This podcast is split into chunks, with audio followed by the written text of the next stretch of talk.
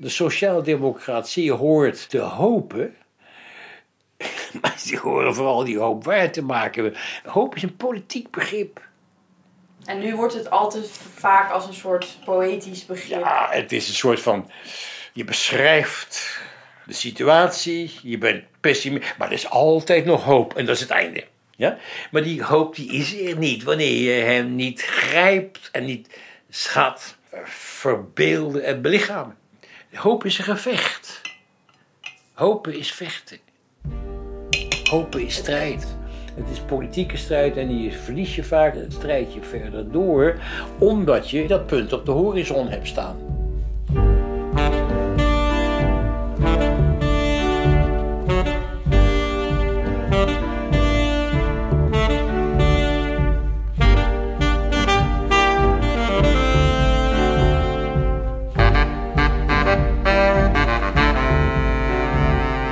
Ik ben Anouk Nuyens en u luistert naar Pronk, een podcast waarin ik met oud-politicus Jan Pronk op zoek ga naar een verhaal wat we al een tijdje verloren zijn. Een verhaal dat nog niet zo lang geleden miljoenen mensen richting gaf. In de vorige aflevering gingen we in het archief van Pronk op zoek naar antwoorden. Nu richten we ons op de toekomst en de vraag hoe we, met alle kennis uit het verleden, verder moeten.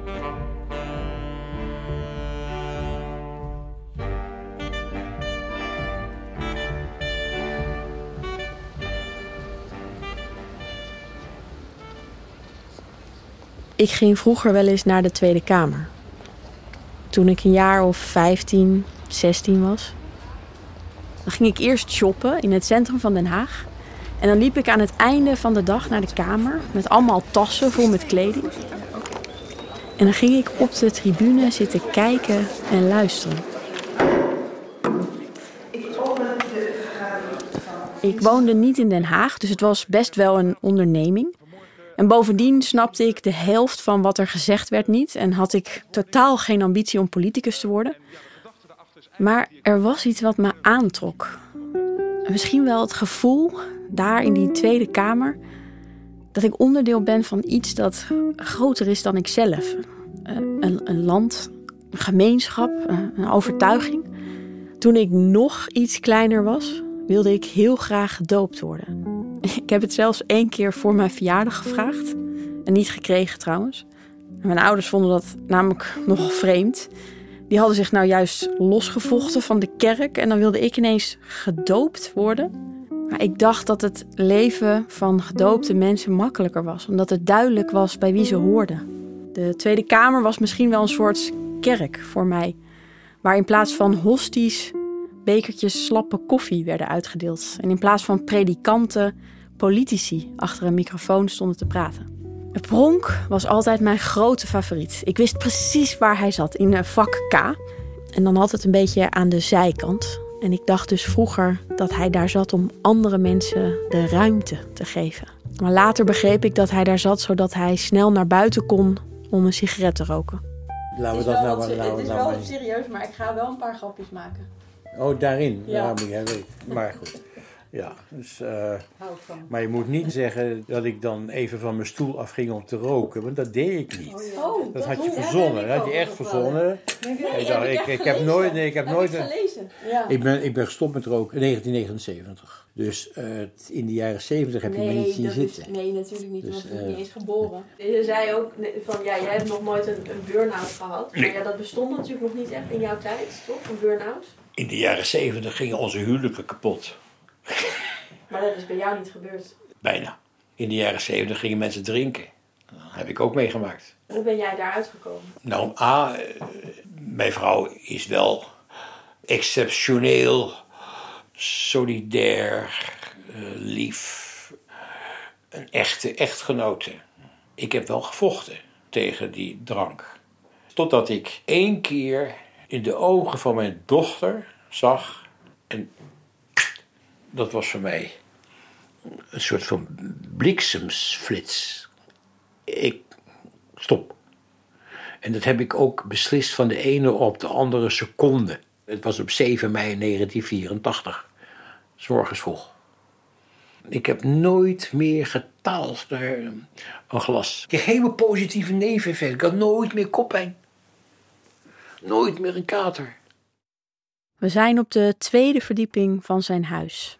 In dit huis ligt alles wat hij meemaakte. Ik weet niet precies hoe lang we hier in zijn archief al bezig zijn. Maar ineens roept zijn vrouw van beneden dat er vissoep is en of we komen eten. Dus we lopen naar de overloop, richting de trap. Ik kijk naar mijn aantekeningsschrift. Jan doet de deur dicht en neemt de krant mee. Hij werpt een blik op de voorpagina en blijft ineens staan. De crises die zich momenteel voordoen zijn misschien nog wel groter dan die van enkele decennia geleden. Hoewel je altijd voorzichtig moet zijn natuurlijk om te gaan vergelijken. Maar ze zijn groot. En de tekens staan in de verkeerde richting. Ik ben pessimistisch over de ontwikkeling van de samenleving en de wereld. Echt pessimistisch. De situatie is echt tamelijk catastrofaal. En als je je laat aanpraten dat alles goed gaat, best goed gaat, dan denk je misschien het gaat mij goed. En denk je niet aan anderen. De problemen zijn zo groot geworden voor de onderklasse dat die onderklasse het niet meer alleen kan veranderen. Ze zijn uitgebuit of uitgestoten of uitgesloten. Als je dat tegen wil gaan, dan heb je ook de mensen nodig die niet zijn uitgebuit, niet zijn uitgesloten en niet zijn uitgestoten, maar die nog steeds toegang hebben tot welvaart en macht. Die dan ook denken aan het belang van de samenleving in zijn totaliteit en ook denken juist aan het belang van die mensen die wel zijn of dreigen te worden uitgestoten, uitgesloten of uitgebuit. Uh, je moet het dus samen doen. Dat is de middenklasse. En die middenklasse die profiteert nog steeds. En als die middenklasse alleen maar aan zichzelf denkt, hè, de eigen belangen, dan zal die onderklasse, om dat woord maar even te blijven hanteren, steeds verder wegzinken, zich daar ook steeds meer tegen gaan verzetten. En dan ja, staat die samenleving op het spel. En als hij dat zegt, zie ik ineens mezelf. Meelopend in klimaatmarsen me vooral druk makend om mezelf en de toekomst van mijn zoontje. Maar wie maakt zich druk om de mensen die geen tijd hebben om zich druk te maken over zichzelf? We zijn zo bezig met ons zelfbeeld dat we vergeten dat politiek altijd gaat over een wereldbeeld, over wie we samen zijn. Mij wordt wel eens verweten dat ik het pessimisme te vaak uitdraag. Dat je daardoor mensen een beetje verlamt. Maar ik heb pessimisme altijd beschouwd als een vorm van realisme. Daarom zeg ik realistisch pessimisme. Als je een optimist bent, dan kun je lekker achteroverleunen. En het proces op zijn beloop laten. Als je een pessimist bent en je bent ontevreden, ja, dan is er een extra reden om een poging te doen om daar wat aan te veranderen. Pessimisme kan een voedingsbodem zijn van actie. Nou, corona zou een mogelijkheid zijn geweest om op een andere manier gezamenlijk te gaan denken over de economische vooruitgang. En er wordt onvoldoende sturing gegeven uh, door ja, de Nederlandse politiek aan het proces op langere termijn. En dat, dat ontbreekt momenteel. Het is nationalistisch, het is narcistisch, het is korte termijn denken wat prevaleert. We missen kansen. Dus voor de lange termijn heb je weinig hoop? Kijk, de crises waar we mee te maken hebben zijn gigantisch. Het ergste is dat we onszelf ontroven van het systeem wat we hebben gecreëerd om met elkaar te overleggen over een oplossing. Heeft hij het nou opgegeven? Na vier kabinetten, 49 jaar politiek en alles wat hij meemaakte? Hij zat aan die tafels. Hij was een van de ministers in het Paarse kabinet en was erbij toen alles verkocht en geprivatiseerd werd. In de jaren 90 was de PvdA de grootste en machtigste partij en in die jaren is het fout gegaan. Niet ervoor of erna, maar toen. Toen we van Wim Kok onze ideologische veren moesten afschudden en vervolgens bleek dat er niets meer overbleef. Dat is dan toch ook zijn schuld? Draagt hij dan geen verantwoordelijkheid voor de situatie waar we nu in zitten? Eigenlijk is alles wat ik voor elkaar heb gekregen weer verdampt. Er is niks overgebleven. Helemaal niks. De heroriëntatie van het ontwikkelingssamenwerkingsbeleid in de richting van armoedestrijding bovenal en mensenrechtenstrijding is weg. Het is nu handel en eigen profijt. Het vechten voor vluchtelingen is verdwenen. Het is echt, ik heb veel voor elkaar gekregen in de jaren 90. Ik ben ontzettend met vluchtelingen bezig geweest. Het helemaal weg in Nederland. Het klimaat was een echt een schitterend resultaat van internationale onderhandelingen. Het uh, ligt niet aan Nederland, maar men wist niet hoe gauw men kon ophouden met de uitvoering van dat klimaatbeleid. Waartoe beslist was. En dat was een juridisch bindend akkoord. En daar wilde men vanaf. Het zijn maar voorbeelden. Ik kan nog meer andere voorbeelden ook geven. Um, dus er is niet veel meer over. Aan de andere kant, die successen zijn er enige tijd geweest. En er zijn veel mensen bij gebaat geweest. Maar het is niet duurzaam geworden. En in de tweede plaats, zo gaat het in de politiek. Ik ben ook wel goed politicus. In een democratie nemen anderen het over. En dat is vaak de andere kant. En moet je maar vechten dat die andere kant de macht niet krijgt. Ik ben niet meer in de gelegenheid om daarvoor te vechten. Ik kan ermee leven, zonder dat ik er vrede mee heb. Wat doe ik hier eigenlijk, denk ik? In dit grote, oude, stille huis. Wat wil ik precies van hem? Wat geloof ik eigenlijk zelf nog?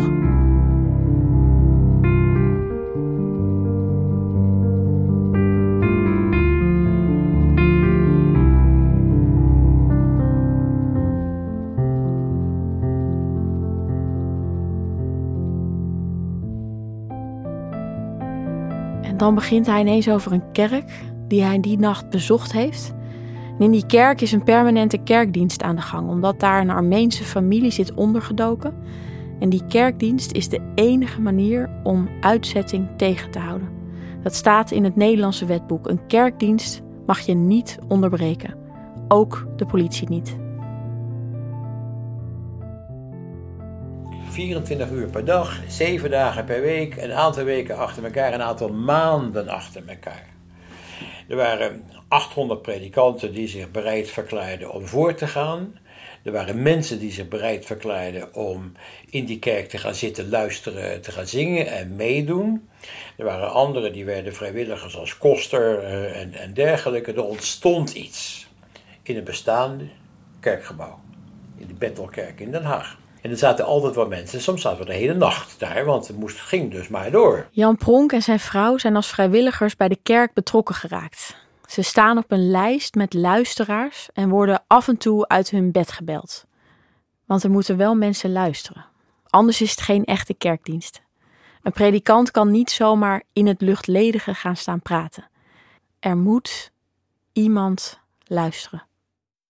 En ik wist zeker, als we dat blijven doen, heel eenvoudig, heel veel mensen die bereid zijn om dat te doen, dan winnen we. Want dat is de zachte kracht tegenover de harde macht. En de harde macht geeft toe. Ik ken de harde macht, ik ben politicus geweest. Ik weet dat er op een gegeven moment komt waarin men toegeeft en luistert. Hij kan me er wel naartoe brengen. Er is nog steeds geen oplossing voor de familie, dus de dienst is nog steeds bezig. Eindelijk, denk ik, terwijl we de trap afdalen, ben ik toch nog onderdeel van een kerkelijke gemeenschap. Na het eten rijden we naar de kerk. Een pronk klopt op een oude, grote houten deur. Een vriendelijk vrouwengezicht begroet ons via een luikje. En als ik naar binnen stap, blijft Jan plotseling staan. Hij gaat niet mee, want hij moet zwemmen. Een beetje onwennig ga ik alleen de kerk binnen. Hoe werkt dit? Waar moet je bijvoorbeeld je jas ophangen? Ik kijk om me heen. Eigenlijk is het best klein. Geen grote Jezusbeelden of een hoog altaar, maar eenvoudige houten stoelen, een vloerbedekking die waarschijnlijk ooit als lentegroen verkocht is, maar inmiddels meer op grijs lijkt. Een spreekgestoelte met kerstverlichting, waar een predikant achter staat met een kleine beamer en een stereotoren ernaast. Ik lees een gedicht van Edgar Duperron, Het kind dat wij waren. Wij leven het heerlijkst in ons verst verleden. De rand van het domein van ons geheugen. De leugen van de kindertijd. De leugen van wat wij zouden doen en nimmer deden. Ik loop naar voren, Op de eerste rij zit een vrouw te luisteren. Ik begroet haar. Ze vraagt of ik een mandarijn wil. Ik knik. Ze is blij dat ik er ben, fluistert ze. Want ze heeft hier al vier uur zitten luisteren. En niks in huis, behalve mandarijntjes dan. En ze moet dringend boodschappen doen. Ze staat op, pakt haar jas en ik ga op haar stoel zitten.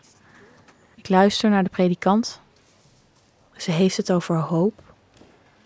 Ik hoor hoe er een tafel wordt gedekt. Er wordt zachtjes gepraat. Een meisjesstem vraagt iets. Ik ruik boerenkool. Boven in de kerk, achter een gordijn, woont de familie, legt de predikant me uit. Al 68 dagen.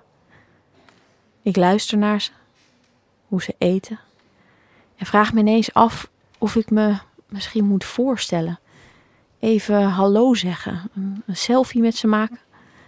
En die dan op Instagram posten om zo aandacht voor de situatie te vragen. Maar dat voelt ook een beetje als heiligschennis.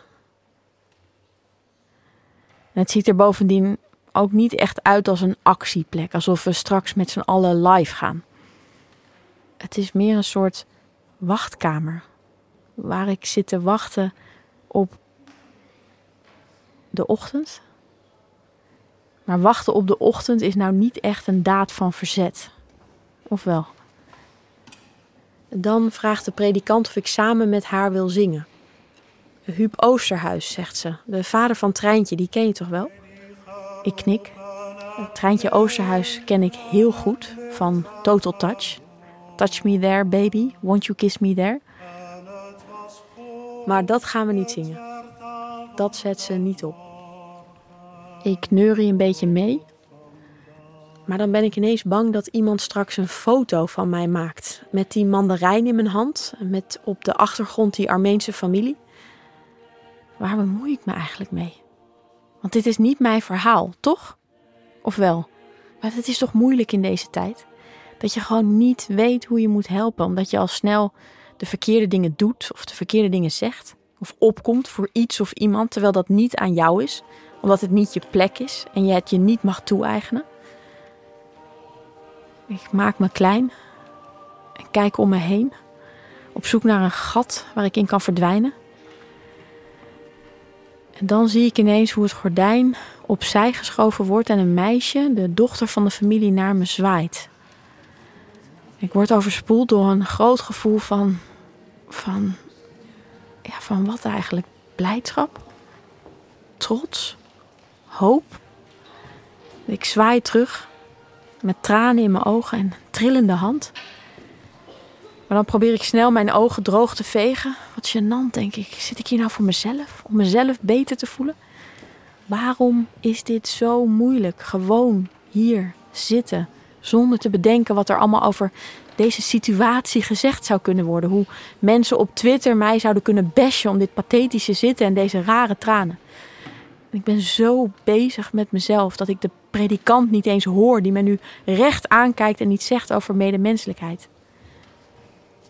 Is dat misschien wat ik voel? Hetgeen waar Jan Pronk zich al zijn hele leven door laat leiden. En waarom voelt het dan zo ontzettend uit de tijd?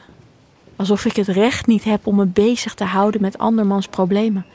Omdat het paternalistisch zou zijn en neocoloniaal. Waarom mag ik me alleen maar bezighouden met mensen die op mij lijken? En als ik daar klaar mee ben, me terugtrekken op een duurzame groenteboerderij ergens in de bossen en mijn idealen naar boven trekken in de vorm van een zelfgekweekte wortel. Al die angsten, denk ik, terwijl ik daar in die kerk zit. Die angst om in het verkeerde hokje terecht te komen. Of aan de verkeerde kant van de geschiedenis. Die hebben ons zo verdeeld en verkrampt. Zo anders dan de sociaaldemocratie dat deed, die uitging van het principe dat de sterkste schouders de zwaarste lasten dragen. Maar ik heb toch gewoon die sterkste schouders. Ik heb alles in me om anderen te dragen, maar ik schaam me ervoor in plaats van dat ik er kracht uitput. Waar heb je nog geprivilegeerde mensen met sterke schouders voor nodig als ze niemand meer dragen of als niemand meer door ze gedragen wil worden? Wat doe je dan met die schouders? Jan Pronk komt uit een tijd die om die schouders vroeg. Zijn hele leven lang was hij niets meer dan een paar schouders. Dat was zijn bestaansrecht. En misschien is dat wel die knoop die ik steeds voel. Dat ik die schouders heb, maar niets meer draag, waardoor ik gewicht mis om me op mijn plek te houden. Aan de ene kant is het zo vreemd om daar te zitten in die kerk, alleen in het half donker. En aan de andere kant voelt het zo machtig. Want doordat ik daar zit, kunnen zij gaan eten. Niet door wie ik ben. Het doet er niet toe wie er zit. Het gaat alleen maar om mijn aanwezigheid, om dit meedoen. En dat maakt me ineens zo hoopvol. En dan moet ik ineens denken aan het manifest van Willem Vliegen, een van de oprichters van de sociaaldemocratie. Het was 1894 en hij schreef: Laten we niet bang zijn om erin te stappen uit angst net zulke vuile handen te maken als degene die we bestrijden. En ik besluit te geloven in een politiek systeem dat uitgaat van sterke schouders die dragen. Een systeem dat grenzen overstijgt vanuit de gedachte dat alles met alles verbonden is. Een systeem dat ons uitdaagt om redelijk te zijn en rekening met elkaar te houden. En het wordt niet makkelijk, omdat we door die verbondenheid afhankelijk zijn van elkaar. Waardoor je zo snel bent als de allertraagste. En traagheid is precies wat we tegenwoordig niet meer verdragen. Waardoor we elkaar met andere woorden niet meer verdragen. En toch zullen we die traagheid moeten koesteren. En misschien geen traagheid moeten noemen, maar tolerantie of zorgvuldigheid. Anders glipt het straks door onze vingers en raken we iets kwijt. Want bedrijven staan te springen om het over te nemen. In Amerika roepen techbedrijven dat zij de groene revolutie zullen doorvoeren. In plaats van politici die ons via een democratisch proces vertegenwoordigen, hebben straks de mensen met het meeste geld het voor het zeggen. En zijn we afhankelijk van hun humeur, hoe ze hun geld gaan besteden. Terwijl er zoveel mooie verhalen voor ons liggen. Het manifest van vliegen, de beginselverklaringen van de sociaaldemocratie, de universele verklaring van de rechten van de mens, de oprichtingsakte van de Europese Unie, het archief van Jan Pronk. Wat we nodig hebben is geen nieuw groot visionair verhaal, maar visionair luisteren. Het was er al en het is er nog. En het is aan ons om te gaan luisteren, om het nieuwe in het oude te horen en ons te committeren en er middenin te gaan staan. Want uiteindelijk is dit misschien wel de ongemakkelijke waarheid. Niet Rutte of Pronk of Politiek Den Haag bestuurt dit land, maar wij. Wij zijn het die op moeten staan, naar het parlement moeten gaan, een dag doorbrengen op de publieke tribune, ons verbazen, ergeren, lid worden van een politieke partij. Dan ineens hoor ik achter me gerommel. En als ik kijk, zie ik dat het een vrijwilliger is. Ze heeft boodschappen gedaan, gedoucht, gegeten. Ze is weer helemaal opgeladen, zegt ze. Dus ik sta op en zij gaat op mijn plaats zitten. En als ik naar mijn jas loop, kijk ik nog even om me heen. Naar de predikant, de kerstverlichting, het gordijn met erachter de familie. Het is lang geleden dat ik me onderdeel voelde van een verhaal. Een verhaal dat niet om mij draaide of om iemand anders, maar om de samenkomst. Dit is het verhaal van Jan Pronk. Woorden die we niet meer gebruiken, verdragen met lange, saaie zinnen, grote opdrachten. Een verhaal dat al tientallen jaren meegaat, waardoor er tig kritische voorbeelden te noemen zijn van keren waarop het niet lukte.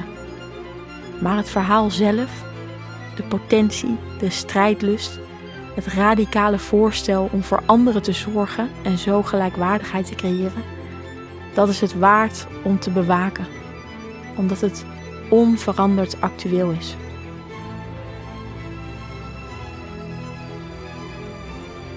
En als dat even niet lukt, of als je het niet meer hoort of ziet, lees gedichten. Er is geen mens, er zijn mensen. Er is poëzie, geen gedicht. Poëzie over langzaam voorbijgaan. Geen gedicht over onbekenden. Er zijn mensen. En als ik zeg ik bemin ze, dan lieg ik. En als ik lieg ik bemin ze, dan spreek ik de waarheid over één mens. En ik zeg, zij alleen maken steen steen. Zij alleen maken water water. Ik bedoel, zij maken een wereld die hun werd onthouden door hem te bevolken. En dat is dubbel gezegd. Zo leggen de feiten zich neer, dubbelzinnig en links, als de mensen. Ik heb hen niet lief, maar ik sta hen bij, als mezelf. Dat is alles.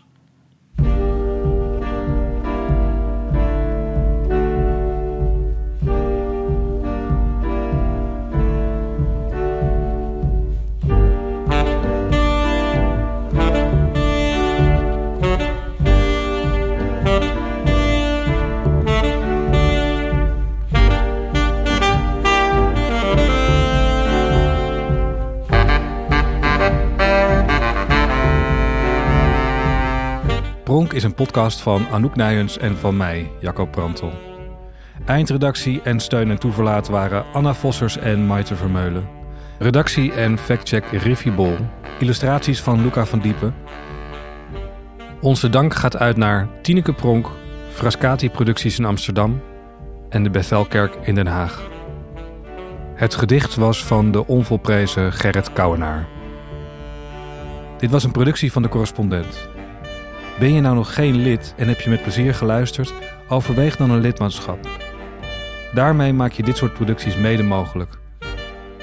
Op het platform van de correspondent kun je verder doorpraten over de toekomst van de sociaaldemocratie. Onder het artikel van deze podcast neemt Jan Pronk zelf ook deel aan het gesprek.